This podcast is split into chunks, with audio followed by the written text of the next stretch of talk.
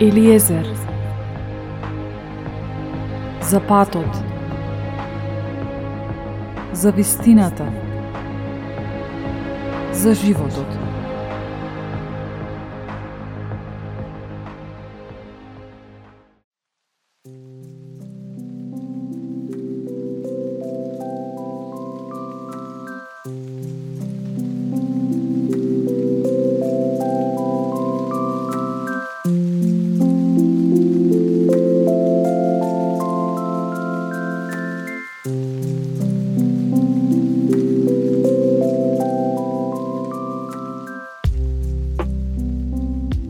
Моментот кога човекот ја препознава моќта на неговиот ум, индивидуалноста на неговото мислење и како тој има контрола над неговиот живот, тој на вистина е способен да го трансформира својот свет. Кога човекот се гледа себе си онака како што Бог го гледа, како Божјо создание, како рефлексија на Бог, на неговото прекрасно дело и слика, тогаш човекот гледа што има во него и го восприема универзумот на поинаков начин. Имено во Псалм 139 пишува Те прославувам за тоа што сум чудесно создаден. Прекрасни се твоите дела, душата моја тоа добро го сознава.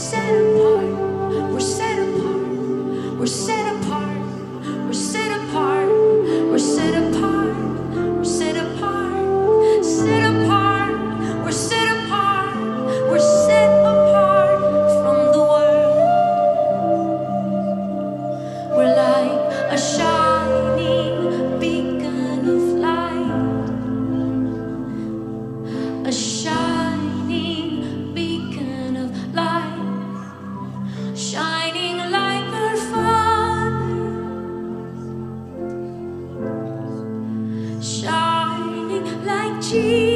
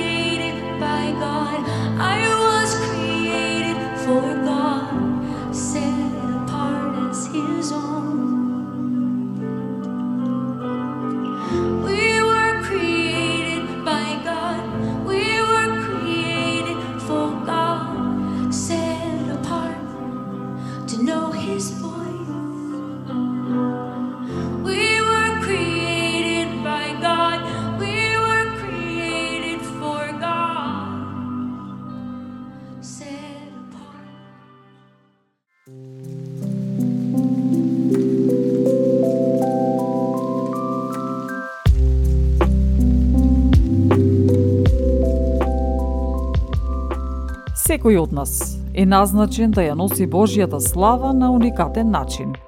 Сите ние имаме прекрасен начин за управување на вечноста.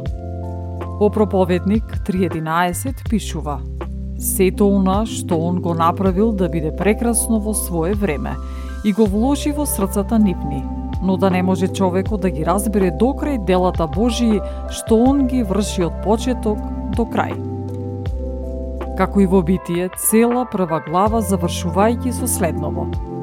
И виде Бог дека е многу добро се она што го беше создал. Вистинско себе спознание доаѓа од препознавањето на нашето совршено јас, вистинското јас. Тоа го менува човекот однатре кон надвор.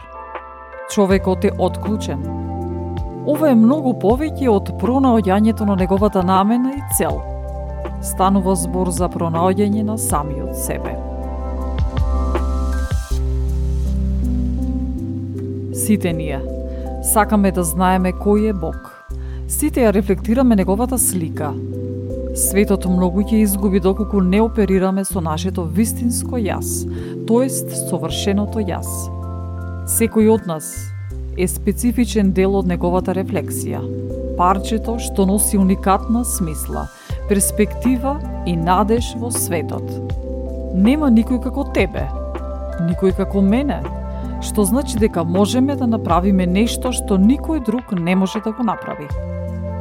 Поради твоето совршено јас, твоето искуство за животот ќе го подобри моето искуство.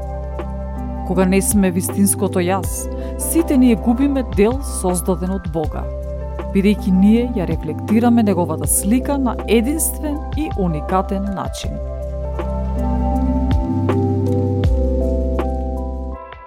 Само ние, можеме да бидеме со нашето специјално себство.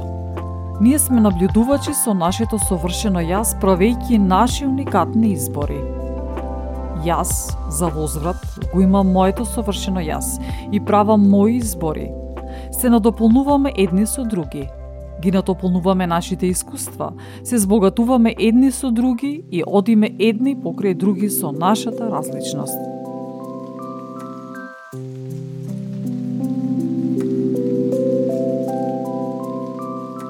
да се живее во нашето совршено јас е исто така начин за да го славиме она што сме и кој сме ние.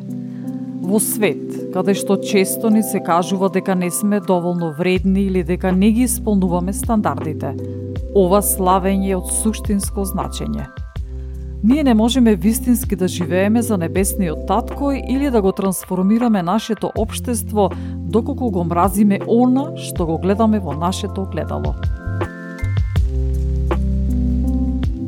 Нашето совршено јас е толку длабоко и во суштина врзано за тоа кој на вистина сме ние, што веднаш штом дознаеме кој сме, развиваме свесност и желба да видиме вистинското јас.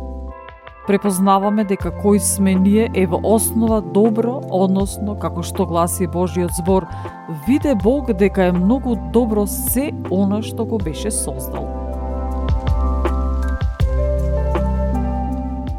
Нашето совршено јас е повеќе од доволно.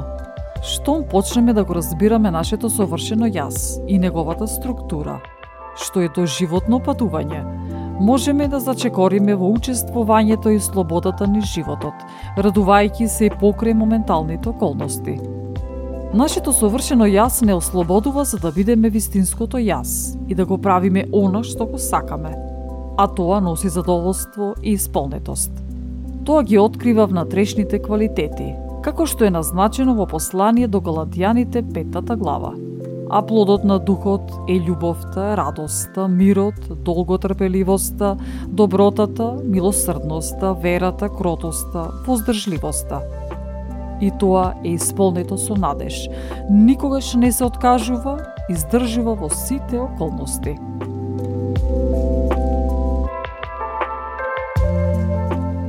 Нашето совршено јас е динамично и постојано менливо. Тоа е клучот за разбирање на животните искуства и лекциите што сме ги научиле. Надоградувајќи го нашиот светоглед и давајќи си можности да зачекориме во иднината, со неограничен потенцијал за да растеме во нашиот успех. Ние како набљудувачи постојано ги надоградуваме нашите искуства како нови податоци, кои доаѓаат до израз оформувајќи го начинот како му пристапуваме на светот.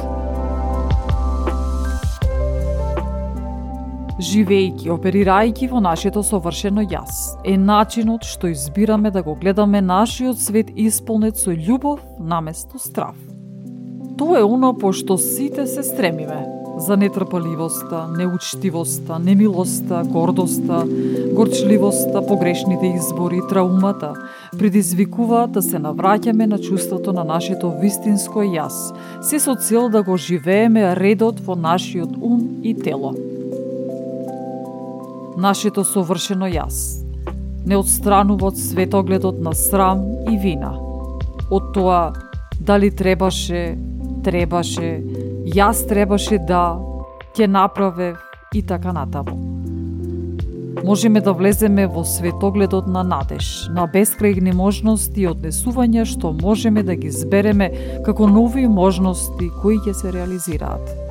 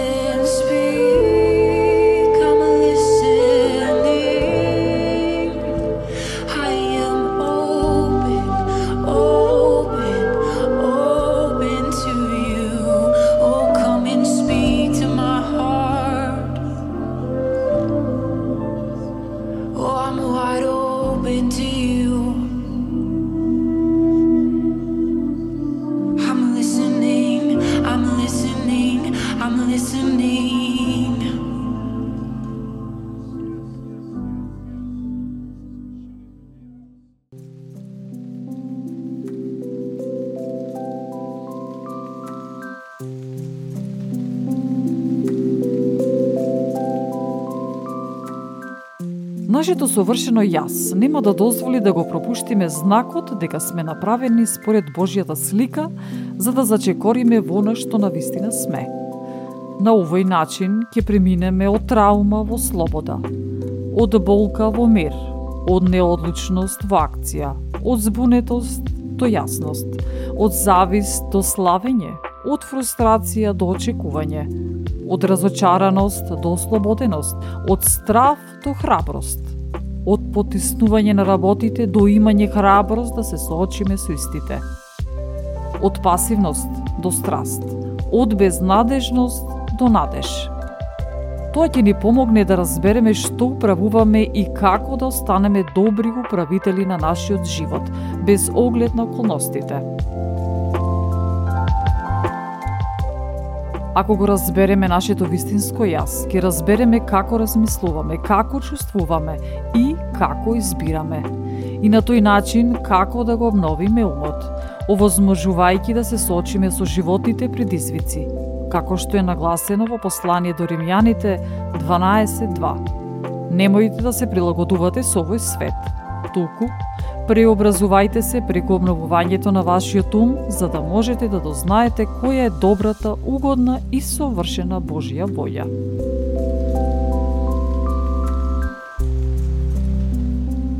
Во денешното општество, може да стане многу збонувачко пронаоѓањето на нашиот вистински идентитет. Затоа од најголема важност е да разбереме што значи да се биде направен според Божјата слика. Ако не се пронајдеме, тогаш светот ќе не обликува и ќе не брендира. Ние стануваме она што го сакаме, она на што се фокусираме. Затоа треба да го сакаме нашиот Создател гледајќи се како неверојатно парче од вечноста во нас. Фокусирањето на Бога ја зголеми автентичноста на нашето совршено јас. Ништо друго нема да не задоволи. Кога читаме за нечии постигнувања и ја присвојуваме и адаптираме нивната животна мапа, нивниот отпечаток како наш, ние ќе го ограничиме нашето вистинско јас. Ти можеш да бидеш само ти и никој друг. Јас можам да бидам само јас и никоја друга. Колку и да сакаме да го притиснеме, да го прикриеме, кога тогаш тоа ќе излезе на површина. Не можеме да растеме, да се развиваме во полниот дизајн и план од Бога, доколку живееме во сомнеш и немир, или ако постојано го подценуваме нашиот дар, копирајќи ги другите.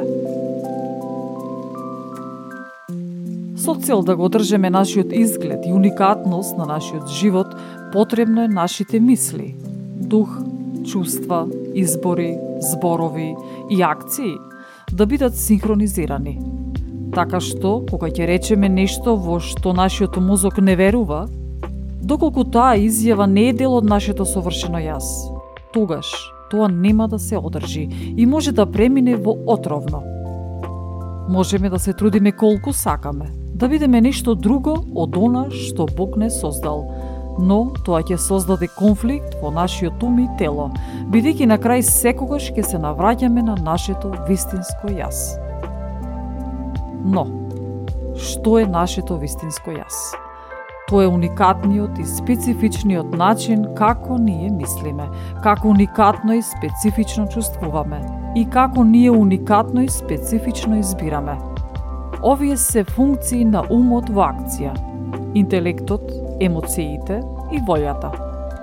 Умот во акција гради мисли. Мислите се корењата на нашите уникатни зборови, однесувања, кои се видливи манифестации на нашето совршено јас. Тоа е манифестацијата на нашиот светоглед. Ако живееме според Божиот дизајн, ние ќе бидеме продуктивни, како што пишува во Исаја 54. Господ Бог ми даде вешт јазик, за да можам со зборови да го подкрепувам изнемоштениот. Секое утро тој го разбудува увото мое, за да слушам како оние што се учат. Во нашето совршено јас. Имаме се што ни е потребно за да ја оствариме нашата мисија. Штом го започнеме процесот на себе откривање, тогаш ние се вклучуваме во процес на доживотна промена. Нашата цел е да живееме далеку над себе си преку рефлектирање на Божјата слава во скршен свет. Но тоа не можеме да го сториме доколку нашето вистинско јас е скриено и блокирано како што гласи во Евангелие според Матеј петтата глава. Вие сте светлината на светот. Не може да се сокрие град што се наоѓа на врв планина. Ниту пак светило се пали и става под поклоп, туку на светиник им свети на сите куќи. Така треба да свети пред луѓето и вашата светлина, за да ги видат вашите добри дела и да го прослават вашиот Отец Небесни.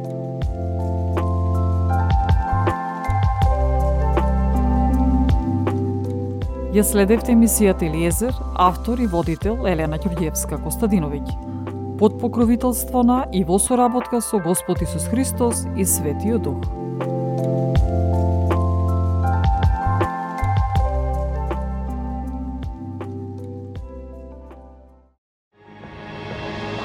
Елиезер